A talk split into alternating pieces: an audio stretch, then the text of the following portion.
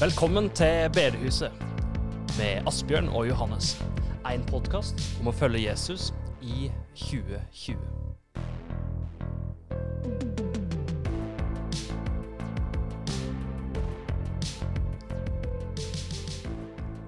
Ja, Hjertelig velkommen til Bedehuset, en podkast om å følge Jesus i 2020.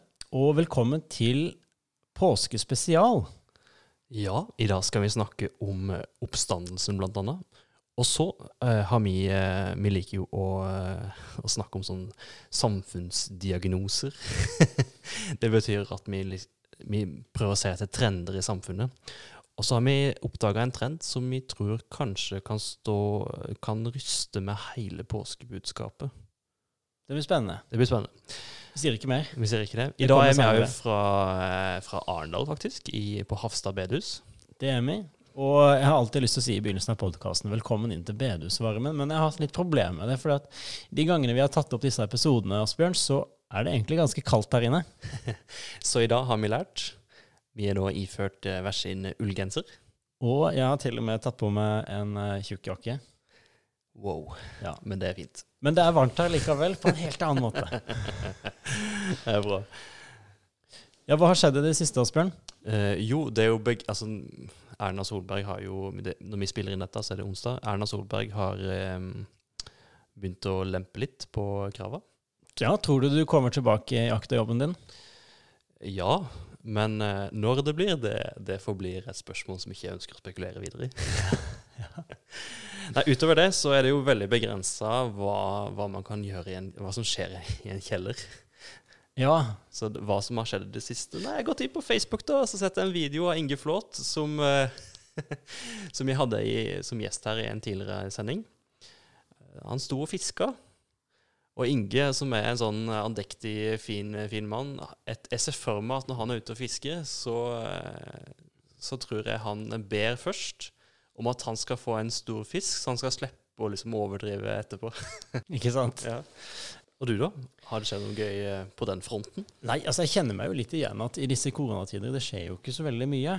Men én ting som, uh, som jeg opplevde her om dagen, som jeg egentlig syns er veldig positivt, det med tanke på dette litt sånn bruk og kast-samfunnet vi er i. Det er um, Vi holder på å selge huset, eller vi har solgt det, og de som skal kjøpe huset vårt, de spurte meg om jeg kunne pusse opp eh, det ene soverommet for dem. For du er jo snekker, og da det er lettvint. Ja, det er lettvint. Og så, det kunne jeg gjøre. Og, men det gulvet som lå der, det var bare sånn to-tre år gammelt, sånn laminatgulv. Så tenkte jeg ja, det var jo egentlig veldig ja, kjipt å måtte kaste det eh, når det er såpass nytt. Og så tenkte jeg ja ja, jeg legger det ut på Gisport på Finn, Og Og så ser jeg hva som skjer. Og hvis ikke det har skjedd noe i løpet av dagen, så bare hiver jeg det. Men jeg må, altså etter 20 minutter så er det da en, en som vil ha det. 20 minutter. Ja, omtrent 20 minutter, halvtime, så var det en som tok kontakt og spurte om han kunne komme og hente den omtrent med en gang. Så etter en middels lang andakt Ja.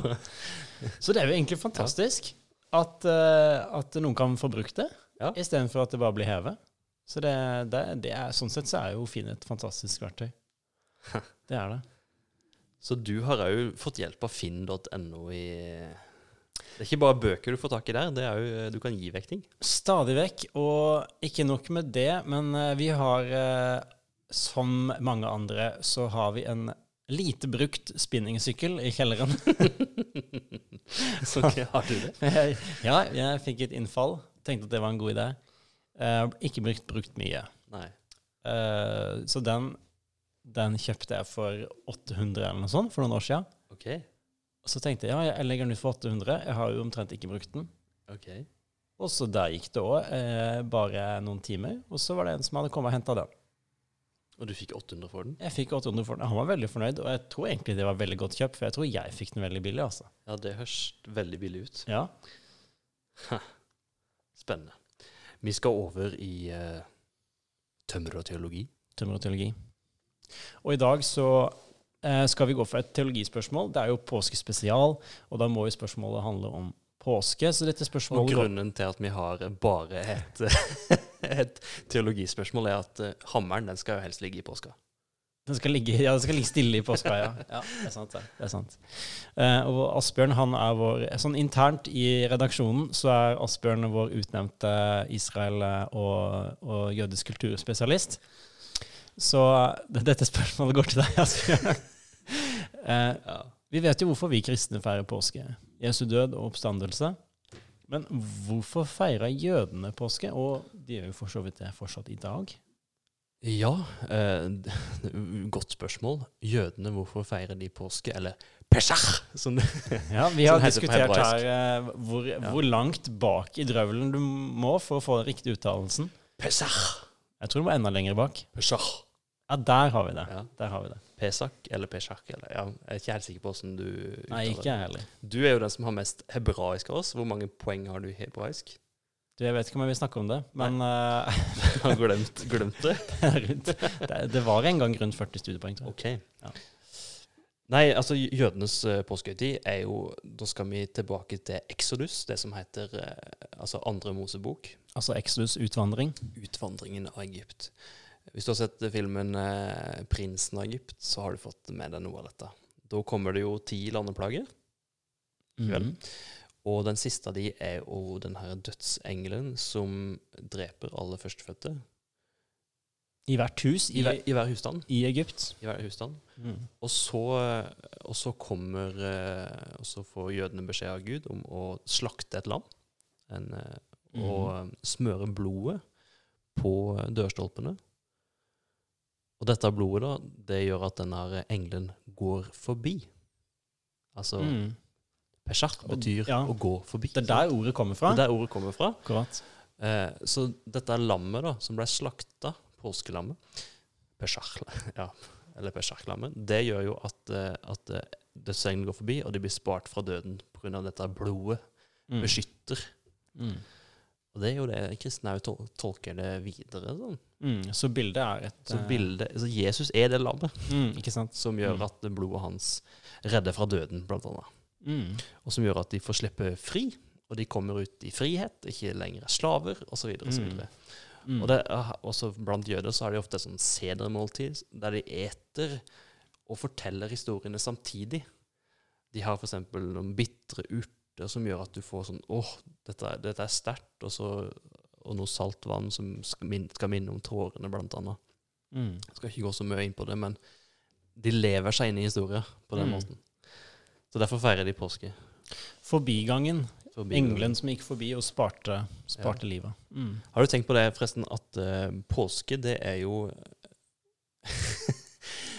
Det kommer jo ikke samme dagen uh, hvert år. Nei. Det er ganske innvikla, det der, egentlig, er det ikke det? Det er ganske innvikla, for det, det bygger jo på et astronomisk fenomen. Akkurat. Ja, Det er jo så vidt jeg vet hva det er for noe sjøl, men det er noe som heter vårjevndøgn. Og det er visstnok når sola står loddrett over ekvator. Ja, for da blir natt og dag like lang. Da blir det like lange. Altså vårjevn. Altså det, det skjer på våren, og så er det når natt og dagen er like lang. Men det er jo ekvator. Er det da det er påske? Nei, det er ikke da det er påske. Eh, fordi at vårjevndøgn Ja, altså Påske er Nå må du ta det fra begynnelsen. Ja. Vårjevndøgn. Når sola står loddrett over ekvator, så Så er det da den første fullmånen etter det. OK. Men eh, vi følger jo ikke en månekalender, som noen jøder gjør. Mm. Nei, ikke noen gjør, men den jødiske kalenderen gjør. Ja, ja, ja, ja. Eh, sånn at det er den første søndagen etterpå. OK. Så sagt veldig enkelt, så er det påske første søndag etter første fullmåne etter vårjevndøgn. Såpass. Første søndag etter første fullmåne etter første Ja. vårjevndøgn. Og derfor så kan, som vi sier, påska komme veldig, ja, påska veldig seint i år, eller veldig tidlig i år, osv. Ja. Da kommer det an på fullmånen. Det kommer an på fullmånen. Mm. Akkurat. Wow. Wow. Det er kult, hæ? Men, men eh, det, nå stiller jeg kanskje spørsmål du ikke vet, men uh, svarer på. Men, men uh, visste så, så jødene de hadde full kontroll på når uh, natt og dag var like lange? Det tør jeg på ingen måte svare på. Ok. Skjønner. Skjønner. Men det, kanskje hvis vi har noen eh, lyttere der som er astronomer eller astrofysikere eller noe sånt, Ja. som eh, kan, eh, som kan gi oss svar på dette? Jeg lurer på om det var i fjor, forresten, at, at, at en ble en, en har jo blitt mer nøyaktig med åra på når vårjevndøgn kommer. Mm, mm. Så jeg lurer på om kanskje det var i fjor vår at vårjevndøgn Det havna på en måte sånn at eh, det var bare noen sekunder eller minutter imellom. Ja. Så egentlig så skulle påska vært veldig mye tidligere eller seinere i fjor. Tror det var. ja, Ja. skjønner. Hm. Så astronauter Nei, astron Jeg tror astronauter ikke nødvendigvis de vet så mye om det. de, Selv om de har vært på månen, så er det ikke sikkert de kan det der. Vi trenger innspill, iallfall. Ja, vi trenger innspill. Ja, men det er bra. Så bra. Vi skal over på bibelprat. Det skal vi, og det skal handle om oppstandelsen. Og da skal vi egentlig først, kanskje litt overraskende, hoppe til den godeste eh, president Trump. Vi skal til Trump. Ja. Og uh, lytterne får bare smøre seg inn med litt uh, tålmodighet for, for å skjønne linken her, men uh, den kommer ganske snart. Altså en link fra Trump til Jesu oppstandelse. Yes. Altså at Jesus blir levende igjen. Ja, for det, det, det som er på en måte temaet her, er i hvilken grad er det viktig for kristendommen at Jesus faktisk sto opp? At det var at, at apostlenes vitnesbyrd og, og øyenvitnenes vitnesbyrd om at Jesus sto opp igjen, hvor viktig er det at det er sant? Så det som er, det som er eh, viktig her, det er sannhetsbegrepet. Og da, det er derfor vi skal til Trump, for han er jo da et interessant tilfelle. Eh, og det er, eh, det, er, det har seg sånn at det er noen amerikanske journalister som har laga en, en, en, eh, en eh, nettside som tilsvarer litt den her faktisk.no. Washington Post, faktisk. Ja, det er de som har laga det. ja. Mm. Og de, det de gjør, det er å telle De teller altså eh, løgner eller villedende halvsannheter, sånn cirka. Ja. Litt sånn diffust. Ja. Eh, og det siste oppdateringa jeg så nå, sånn nå i farta nå i stad, det var at i januar så hadde de telt ikke mindre enn 16 000 løgner eller villedende halvsannheter som da Trump hadde sagt eh, offentlig. Så han sier jo egentlig ganske mye offentlig, da. Han sier mye offentlig, og det, da, det blir jo da flere ganger til dagen. Så kommer han med en løgn eller en villsannhet. Men det som eh, de her eh, analytikerne, politiske analytikerne da sier om Trump, det er det at han er på en måte mest opptatt av på en måte hvilken effekt det han sier, gir. Mhm. Ikke nødvendigvis hvor sant det er, men hvilken effekt det gir. Så for eksempel når han sier sånn at 'jeg er mest sannsynlig', det er en sånn ting han har sagt flere ganger, 'jeg er mest sannsynlig den personen i verden som har mest peiling på skattesystemet'. Så, Så vekker det jo kjempeoppsikt. ja, og, og folk liksom 'Å ja, da er, er liksom, da er det med skatt i trygge hender'. Han har så peiling på det. uh, og han har sikkert mye greie på det, men at han er mest sannsynlig den som har mest greie på det, det er jo tvilsomt. Uh, men det som virker som at han forholder seg til sannhet, da, litt sånn, er eh, litt sånn flytende. Det er litt sånn, ja, det er litt sånn relativt, men det som er viktig, er hvordan effekt det her har. Og her er, jo ikke, her er jo ikke Trump noe sånn enestående, men han gjenspeiler nok egentlig en sånn trend i samfunnet om hvordan vi, skal, om hvordan vi forholder oss til sannhet. Der um, sannhet er på en måte Sannheten er viktig i den grad den på en måte tjener en større hensikt. Ehm, så hvis sannheten på en måte gir meg noen fordeler, så er den viktig. Uh, og dette gjenspeiler seg helt i, ned i hvordan ting blir markedsført. Uh, altså om man skal selge olabukser eller man skal selge politikere, så er på en måte det viktige er hvordan det fremstår, og ikke nødvendigvis hvordan det egentlig er. Yes. Fordi at når folk skal kjøpe noe, om det er da et politisk utsagn eller om det er bukser, så er det på en måte hvordan det framstår. Du, det er det som er grunnlaget ditt for å vurdere. da. Så folk er villige til å gå i ganske stramme bukser som er ubehagelige å gå med, så lenge det ser bra ut. Ja, ja, det, kan, det, ja det, det er helt sant. Um, så det at Så hva har dette med Jesu oppstandelse å gjøre? Jo, fordi at denne tankegangen blir jo da nødvendigvis også overført på hvordan vi forholder oss til oppstandelsen. Og da blir resonnementet som følger at det er ikke så viktig om Jesus egentlig sto opp, eller om det han sa egentlig var sant, men hvilken effekt historien har på deg. Eller på en måte hva historien gir deg. Og gir, med trykk på deg, hva den gir deg. Altså Gir historien og oppstandelsen på en måte lindring og trøst for deg? En effekt. En effekt, ja. Mm. Så er jo det, så er det på en måte fint for deg. Mm. Eh, Men om den i seg selv er sann, det er på en måte, det er på en måte sekundært i det, i det på en måte Jeg vil nesten si det, den litt sånn sekulære måten å forholde seg til sannhet på. Mm. Um, og akkurat dette fenomenet her om hvordan det moderne samfunnet forholder seg til sannhet, det er jo på en måte ikke noe Det er ikke noe sånn veldig mystisk kunnskap vi har kokt opp her på bakrommet. Det er jo egentlig ganske sånn ute i offentligheten. Veldig ute i offentligheten. Ja, og de, de sier, Det er jo noe av grunnen til at de har oppretta denne sida, eh, fakta.no. Mm, Eller faktisk. faktisk, Ja, faktisk, faktisk. .no. For de sier det at eh, eh, Og det var vel en av de, faktisk en av de tinga som eh, når de, Obama sa et intervju når han bekymra seg for framtida, så var, sa han noe sånn som at det er eh, vårt, vårt felles syn på sannhet Mm. er, står veldig i fare. Han sa noe sånn i et intervju. Felles syn på sannhet, ja. Og dette henger nok sammen med at vi, eh, vi lever i det sånn, såkalt postmoderne tid, eller, eller ny moderne tid, en slags ny modernitet på en, på en måte. Eh, altså en, tidsepoken vår er jo veldig annerledes enn før.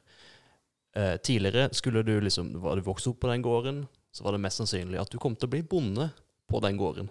Mm. Men nå, nå er Nå vet vi jo ikke hva vi skal bli. Mm. Det er jo mange utdanningsmuligheter, og du må Mm. liksom prøve å lage ditt eget jeg, på en måte. Mm. Og du blir overlatt til deg sjøl. Nei, du, var faren din snekker, så kunne du bli snekker, eller kanskje til og med elektriker. Mm. Men, eh, men nå er det litt sånn derre hva, hva skal vi bli? Familien er mer oppløst enn før. Og det er så mange ting som tidligere var helt konstant. Vi flytter mer enn før, osv. Som nå er flytende. Som er flytende. Ja. Som vi kaller en flytende sånn modernitet. Jeg tenker Ordet flytende her er veldig sentralt. Eh, veldig mye i samfunnet har blitt flytende, og det påvirker også hvordan vi forholder oss til sannhet. Mm.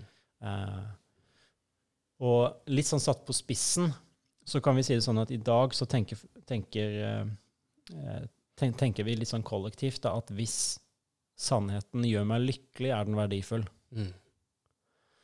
Eh, og også sagt på spissen at det er ikke så nøye hva som faktisk er sant om meg, men det som er nøye, er hva folk tror om meg, eller hvordan jeg fremstår. Mm. Um, Vi spiller et slags rollespill, på en måte. ja, og det er det folk ser som er viktig, ikke nødvendigvis hva som egentlig er der. Mm. Og det er jo det Dette ser du på en måte utspilt på mange forskjellige områder av samfunnet. Og, uh, ja, helt ned til bloggerne, liksom. Mm. Og helt opp til toppolitikerne. Mm. Nå er det jo veldig spesielt med, med, denne, med denne perioden som vi har vært i nå, der eh, stadig flere har hjemmekontor med videokonferanser og sånn fra hjemme. Og den sfæren som tidligere var veldig privat, er jo altså hjemme. Mm. Eh, der har du plutselig et videokamera inne, der dine kollegaer på jobb ser, ser alt du holder på med hjemme. Mm. Jeg vet ikke om du har sett det klippet av en sånn en, eh, en finans...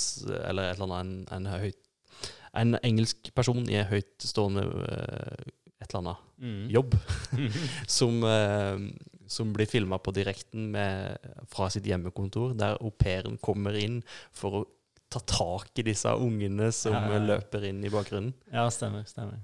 Det er litt den der med fasadebygging, altså at altså, vi opprettholder en slags fasade. Og det, det har vi jo opplevd nå i det siste. Mm. At eh, det som tidligere var veldig privat, Mm. der har folk kommet inn litt Mm. Og, og um, dette, dette påvirker også på en måte kirkas rolle i samfunnet, mm. eh, der kirka er veldig velkommen som en meningsbærer. Altså at du kan, du kan på en måte mene noe, eller gi folk eh, livstolkning, som det heter på fint da, ikke sant? Du kan gjerne på en Ja. måte tilby en tolkning. Ja, ja. Det er liksom helt innafor i dag. Men det å tilby en, en sannhet, en absolutt sannhet uh. Og det er litt vittig det der at vi må på en måte legge til ordet absolutt i dag. Mhm. Det holder liksom ikke bare å si en, tilby en sannhet. Ja. Det, ja, det er flytende. En absolutt sannhet. ikke sant? Um, så kirka er på en måte en én aktør av mange aktører på et torg, Mm. kan vi liksom se for oss. Mhm. Og, og det, det kirka har å si Mm. om, om livet, og hva som er sant og rett og galt, det er på en måte sidestilt med veldig mye annet i dag. Og det er jo en kjempeproblem. Hvis du tenker på, på uh, Paulus, som går på livssynstorget, kan du si, da, i, uh, i Aten. Mm. I Apostlenes gjerninger 17. Og så ser han jo alle disse gudestatuene der folk ber til sine, sine guder og shopper, shopper livssynet sitt. Mm. Og så kommer han med en og og forkynner oppstandelsen, står det faktisk. Eh, og så kommer han med denne monoteistiske ideen at Gud han er ikke bare Gud over uh, pengene dine, han er ikke bare Gud over, uh, over familien din, men han er Gud over alt i hele verden. Alle områdene av livet ditt. Mm. Så, så det bryter jo skikkelig. Ja, og det, og det bryter uh, like mye i dag. Mm. Og det er i, på en måte i den konteksten vi er plassert som kristne og som kirke i dag, der majoriteten i samfunnet har et veldig flytende forhold til sannhet. Mm. Og så, tror vi på en gud, vi tror på en, en religion der eh, det absolutte sannhetsbegrepet da, er superviktig. Mhm. Kjempesentralt. Og uten det så kollapser det egentlig. Ja, og det skal vi jo komme litt nærmere på hvorfor. Det skal vi gjøre. Um, fordi at måte, Jesu oppstandelse, at den har skjedd eller ikke, den har vært under press før. Mhm. Eh, og da har den først og fremst, fremst vært i press fra de som på en måte prøver å bruke eh, historiske kilder til å bevise at Jesus ikke sto opp igjen. da. Så det er på en måte, man orienterer seg rundt fakta, da, hva som er sant og ikke sant. Ja, og da var jo en av disse gode argumentene som eh, Folk blir jo sjokkert når de hører det, men en av de her tidligere filosofene, jeg lurer på om han heter noe som er i Celsus eller noe sånt, eh, hans sterkeste argument mot at oppstandelsen ikke kunne skjedd, at Jesus sto fra de døde, det var det at kvinnene var de første som så han. Ja, Og de var, de var ikke da godkjente vitner i, i en, i en rettssak. De var ikke godkjente vitner. Og det her var noe kirka faktisk måtte forsvare. Ja. I en tidligere, eh, det var et av de store problemene. Men i vår tid har det kanskje blitt et av de store fordelene.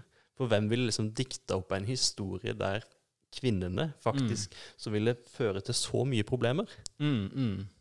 Nei, jeg, jeg tenker òg det at uh, hvis det her var oppdikta, så var det i tilfelle en megatabbe å skrive en historie da kvinnene eh, i, I den kulturen de var i, da. Du ber om trøbbel. du, ja, du ber om egentlig om å bli stempla som noe visvas med en gang. Men det som er spesielt i dag, da, at i dag så er ikke på en måte presset på oppstandelsen Den kommer ikke fra de som på en måte ønsker å granske de historiske kildene. Nei. Men den kommer ifra de som tenker Spiller det egentlig noen rolle? Og dette er jo en sånn stille og langsom prosess som vi ikke legger merke til. Ja. Spiller det egentlig noen rolle om Jesus sto opp eller ikke? Det som spiller noen rolle, altså Resonnementet går, går som følger. Det spiller ikke noen rolle om Jesus sto opp, men det som spiller noen rolle, er hva historien om oppstandelsen gjør med deg. Altså, her er vi er fullstendig, den, denne, Dette resonnementet er fullstendig oppslukt av Mm. det som vi er inne på i stad, det flytende synet på sannhet, og, og den subjektive lykken, altså hva som, er, hva som gjør deg Hva som er godt for meg. Det er hva som er godt for deg, ja. Um, og så hvis på en måte oppstandelsen gir deg på en måte en form for lykke eller trøst eller lindring, og sånne ting, så er, ja, da er jo det fint for deg. Ja. Uh, og om det er sant at han sto opp, det er på en måte sekundært. Og det er jo Mm. egentlig et resonnement som, som har snudd fullstendig på hodet, eh, sånn som de første kristne tenkte. Ja. Det er jo veldig ulikt. Ja, det, det, og vi ser det bl.a. når vi skal lese noe hvert øyeblikk fra, som Paulus skriver, der det kommer egentlig tydelig fram at, at om Jesus sto opp eller ikke, det er ikke bare sånn at det er sånn litt viktig, men det er helt avgjørende. Eh, og i, i første Korinterbrev, kapittel 15, eh, så skriver Paulus Men er ikke Kristus stått opp, da er vårt budskap tomt, og deres tro er også tom. Og litt senere sier han hvis Kristus ikke er stått opp, da er deres tro uten mening, og dere er fremdeles i deres synder. Det er også de fortapt som har sovnet inn i Kristus. Hvis vårt håp til Kristus gjelder bare for dette livet, er vi de ynkeligste av alle mennesker. Og det er jo nettopp det, det, altså dette her med at um, Kristus er et håp for dette livet. Det er jo akkurat det som var inne i det resonnementet som jeg sa i stad, om at ja, hvis, hvis, historien om Jesu oppstandelse gir deg mening, lindring og trøst, mm -hmm. så er jo det kjempeflott for deg. Men der sier Paulus men hvis altså, historien om oppstandelsen, eller evangeliet, bare gjelder for dette livet, da er vi de ynkeligste av alle mennesker. Faktisk. Han, han, bruker så sterke ord. Altså. Ja, han bruker veldig sterke ord her, og jeg tror ikke det er tilfeldig i det hele tatt. Um, og vi befinner oss i en kultur, en kontekst, som forholder seg til sannhet egentlig da på en veldig annen måte mm -hmm. enn det de første kristne gjorde. Absolutt. Uh, så du er jo ikke kristen fordi at du, uh, du At det er godt for deg? Nei, jeg, vil, jeg tenker sånn at vi tror jo at, at budskapet om Jesu oppstandelse, evangeliet, mm. At det absolutt skal ha noe å si for det livet vi lever her og nå. At det gir faktisk lindring og trøst eh, i dette livet. Ja. Men jeg tenker at det må på en måte være Sekundært. Ja, det må ja. være en sekundær grunn, årsak, til at vi er kristne. Og hovedårsaken må være at hvis noen spør deg hvorfor er du kristen, mm. så tenker jeg det at det første vi må si da, det er fordi det er sant. Oh, det var godt du sa det. for Jeg ble spurt av en eller annen fyr som skrev en oppgave på videregående om sosiologi. og Han skulle da se på kristne, hvorfor de var kristne og hva som var viktig for dem. Og da, eh, og da tenkte jeg yes, her kan, jeg, her, kan, her kan jeg fortelle litt om Jesus. Så, eh, så jeg tok oppgaven og, og, lot meg intervjue i sånn Jeg skulle svare på noen spørsmål som jeg fikk tilsendt. Jeg skrev fem, sider, fem sider med utredning på hvorfor, hvorfor, jeg trodde det var sant. Og et av spørsmålene var Der skrev jeg bare én setning. Um, og det var hvorfor eh, Hva er det beste med kristendommen? Og så i sann, ja. parentes ja, så står det sånn der lindring og trøst. Og nei, det er fordi det er sant. Det er fordi det er sant. Det er fordi det er sant. Mm. Um, og jeg tror akkurat her akkurat det her tror jeg det er veldig viktig at vi reflekterer en del over som kristne i dag, og som menighetsledere i dag. Fordi at vi lever i en kultur der, på en måte, som vi har vært inne på litt i andre podkaster, det er en kultur der måte, det edleste og det flotteste du kan drive med, det er å bygge ditt eget lykkelig liv-prosjekt. Mm -hmm. uh, så, så, på en måte det selvsentrerte er på en måte det viktigste du kan holde på med i dag. Oh, yes. uh, og så kommer kristendommen, der det å være en kristen er egentlig å bryte fullstendig med det ja. selvsentrerte livet, og orientere livet ditt fullstendig rundt en guddomsmakt som ikke bare ønsker å være gud over hva du gjør mellom 11 og 12 på søndagen, men som ønsker å være gud over hele uka, de alle aspekter av livet. Mm. Og der du, der du gjennom livet på nytt og på nytt og på nytt gir din troskap, gir din lojalitet over til Gud. Ja. Så, så, så, så det å være en, en, kristen i dag, det er jo egentlig å bryte vanvittig radikalt med det som er på en måte det, det majoriteten av samfunnet ser på som, som uh, Kall gjerne da meninga med livet. Ja, og det har vi gode grunner til. Og, og da, da, må du jo hvile på at det er sant. Ja. At oppstandelsen har skjedd. For denne, uh, Jeg lurer på om det er Peter Haldorf jeg sier er det at den største synden kristne gjør, det, altså det største, der vi bommer mest, det er å leve som at første påskedag, altså den dagen Jesus sto opp fra de døde, mm. aldri har skjedd. Mm, mm. Og men vi har jo gode grunner til å tro at Jesus har stått opp fra de døde. Ja, vi, vi, har jo vært inne på noen av de. Eh, Kvinnene og, som først eh, Ja, hvorfor, hvis, hvis, det, var en konstruert historie, hvorfor valgte de kvinner til å være de første vitnene? Og så er det jo et sånn godt, uh, godt, poeng det at der er, dette skjer i uh, Jerusalem i påskehøytiden. Det er som kragere om sommeren. Mm. når det ikke er hytteforbud. ikke sant? Ja. Det kryr av folk. Altså, det kalles valfartshøytid. Det er jo ikke for ingenting. Det er der vi har det ordet fra. Valfart. Mm. For de strømmer til, eh, til Jerusalem, og gatene er fulle. Og så skal du tenke at her skal noen slepe et lik ut fra grava. Det ville jo blitt oppdaga på null komma niks, i tillegg til at det er strengt forbudt Mm. Mm. Mm. i jødisk tradisjon. Og så har du en tom grav, Mm. og den krever en forklaring. Mm. Mm. Eh, og i tillegg, da, så hvis du hadde vært noen sånne gravranere, så er det jo veldig merkelig at klærne ligger igjen. Mm. Ja, det er veldig Hvis du skal bære et lik, så vil du gjerne ha klær, klær på det liket. Ja. Og, det, og kanskje det mest verdifulle var kanskje det lintøyet som lå på. Ja. Eh, og så I tillegg så har, du, så, har du, eh, så har du disse som påstår at de har sett Jesus. Mm. Paulus skriver i Korinterbrevet, det er skrevet 20 år, stemmer ikke det? 20 år etter, eh, Mm. etter dette skjer. Eh, at eh, det er over 500 stykker som har sett Jesus levende, spist sammen med han. Blant dem lever noen av dem ennå. Mm. Det er liksom, du, kan, du kan gå og snakke med dem. Mm. Så du har på den ene sida en tom grav, og på den andre sida så har du så har du folk som sier at de har sett Jesus. Og hvis du forklarer det ene av de, så må du fortsatt forklare det andre. Ja.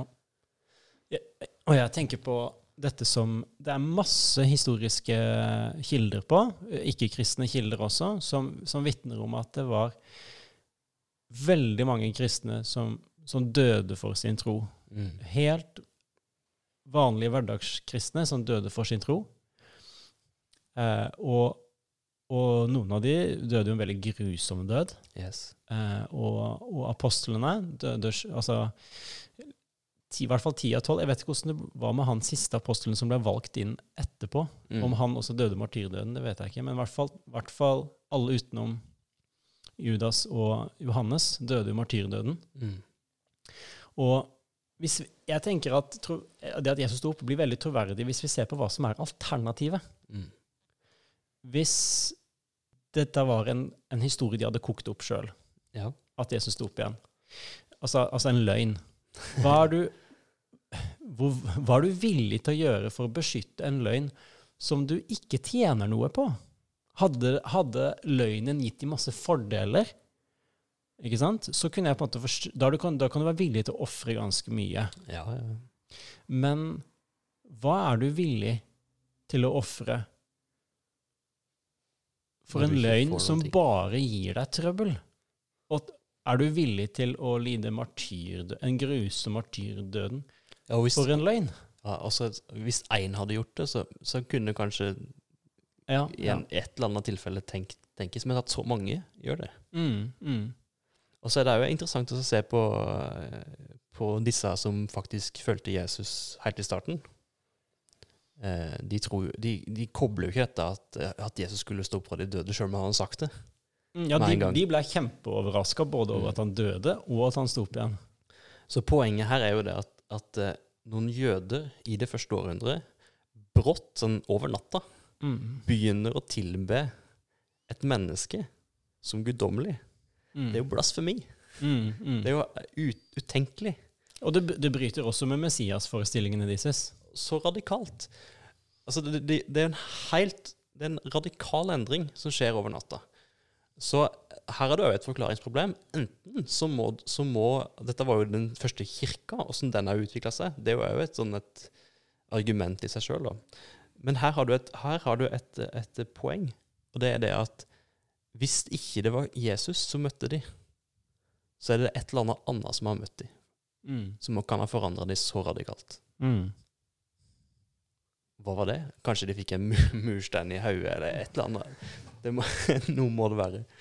Mm. Jeg tror, det jeg tror de møtte Jesus. Altså Han godeste C.S. Lewis, han, før, før han ble kristen, så leste han evangeliene. Ja. Og C.S. Lewis han var jo professor i middelalderlitteratur, Uh, yep. og, um, og blant annet med veldig mye kunnskap rundt dette med myter og mytiske fortellinger. Mm. Og han da som ateist leste evangeliene, og han gikk inn i det med tanke på at dette var myter. da.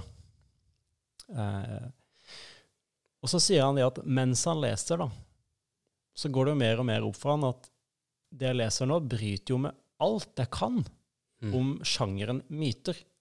Det er ingenting her i, sånn, med hans kunnskap om litteratur Mhm. som, som på en måte gir meg, no, gir meg noe sånn Det var rett og slett en sjangerbom. Ja. Altså, han, han, C.S. Lewis, han sier at ingenting av det her smakte som myte når han leste, leste Og han, evangeliet. og han kjente de fleste sjangerne. Han var jo ekspert på dette. Mhm. Um, så han fikk et kjempeforklaringsproblem i forhold til sine tidligere da, forestillinger rundt Mm. evangeliet og kristendom. Når han, så det var sånn, på en måte, hvis jeg husker riktig, det var sånn på en måte trosreisen til C.S. Lewis blant annet begynte. Blant annet. ja. At han, han eh, leste evangeliene, og så bare Det her Når du leser det, det her, de, de, de gir jo Mm. fullstendig eh, Mm. De gir fullstendig inntrykk av at dette er jo sant. Mhm. Alt er skrevet som om det er sant. Mhm. Det faktisk skjedde. Um, så jeg tenker at vi kan forholde oss til Jesus på tre måter, da, eh, hvis vi går litt tilbake til de her tolv apostlene. Mm. Vi kan se på Jesus som en eh, Enten så var han en løgner, Mhm. Eller så var han gal, altså sinnssyk. eller så var han faktisk den han sa at han var. Mm.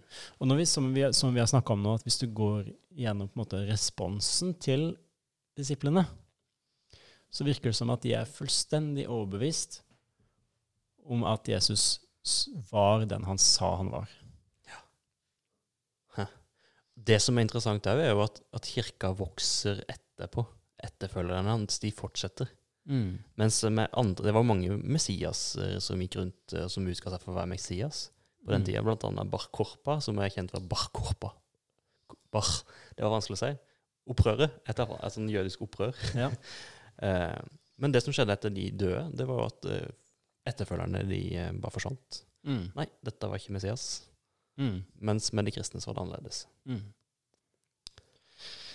Jeg tenker faktisk sånn at uten oppstandelsen så reduseres Jesus til et godt forbilde. Mm. Og det er nettopp sånn mange forholder seg til Jesus i dagens kultur. Et godt forbilde. Mm. Eh, men et forbilde kan ikke frelse noen. Uten oppstandelsen så er kristendommen ikke noe annet enn en vel gjennomtenkt løgn. Og uten oppstandelsen så er egentlig den kristne troa det er virkelighetsflukt av verste sort. Så i det det spørsmålet er det nødvendig for kristendommen at Jesus faktisk sto opp igjen. Ja, hvis du ser litt nøyere etter absolutt. Ja, med to streker under svaret. Og det er det unisone budskapet fra forfatterne i Nytestamentet. At uten oppstandelsen så gir det ingen mening. Så hva blir da konsekvensene hvis Jesus faktisk sto opp? Jeg, jeg, har liksom, jeg har sånn fått sånn jobbmail, og der eh, kommer det inn sånn der eh, Du har vunnet i Lotto-lignende mail. Ja. Men Sett at du hadde fått en, eh, et brev med en sånn statlig signatur på utsida på, på brevet eh, i postkassa di. Og så, eh, og så står det der at du har en ukjent slektning som har etterlatt seg en enorm pengesum som vil forandre hele livet ditt og til resten av familien. Vil, vil du da, da vil du mest sannsynlig ane litt sånn der Her er det et eller annet ugler i mosen, men du ville jo undersøkt det. Mm. Og sånn er det òg med, med Jesus, for det forandrer alt. Mm. Kan ikke du si litt om hva det forandrer, eh, Johannes? Jo, jeg tenker at hvis vi tar høyde for at det faktisk er sant, så er det egentlig helt vanvittig. Fordi da, hvis Jesus sto opp, da er han den han sa at han var. Så på en måte Jesus' oppstandelse validerer egentlig alt annet Ja. om Jesus. Mm. Hva som er sagt om han, og hva han sa om seg sjøl. Han var Gud. Han var Gud, rett og slett. Hvis Jesus sto opp, da er Gud kommet nær, Mm. og han har seira over døden. Og hvis Jesus har stått opp igjen, så er Jesus den første av mange som skal stå opp, for det sa Jesus. Mhm. Han kunne ikke ljuge, vet du. Nei. Og hvis Jesus sto opp, da finnes det jo tilgivelse for synder. Og hvis Jesus sto opp, da finnes det håp at dette livet bare er en begynnelse på det som skal komme. Mhm. Og hvis Jesus står opp, er evangeliet fantastisk gode nyheter, og det er et evangelium som det virkelig er verdt å leve og dø for. Som de første kristne gjorde. Som de første kristne gjorde. Vi kan eh, be til slutt. Takk, himmelske Far, for det at du har eh, stått opp fra de døde, og at ingenting er som før etter at du har stått opp fra de døde. Takk for at eh, mange skal kunne stå opp på grunn av at du sto opp først. Amen. Blei du velsigna av å høre på denne podkasten? Da er du hjertelig velkommen til å gi på VIPS til 94 272 til Nordmisjon region Agder sitt eh, arbeid. Eller så kan du besøke oss på nordmisjon.no agder. Del gjerne podkasten med andre, og så snakkes vi.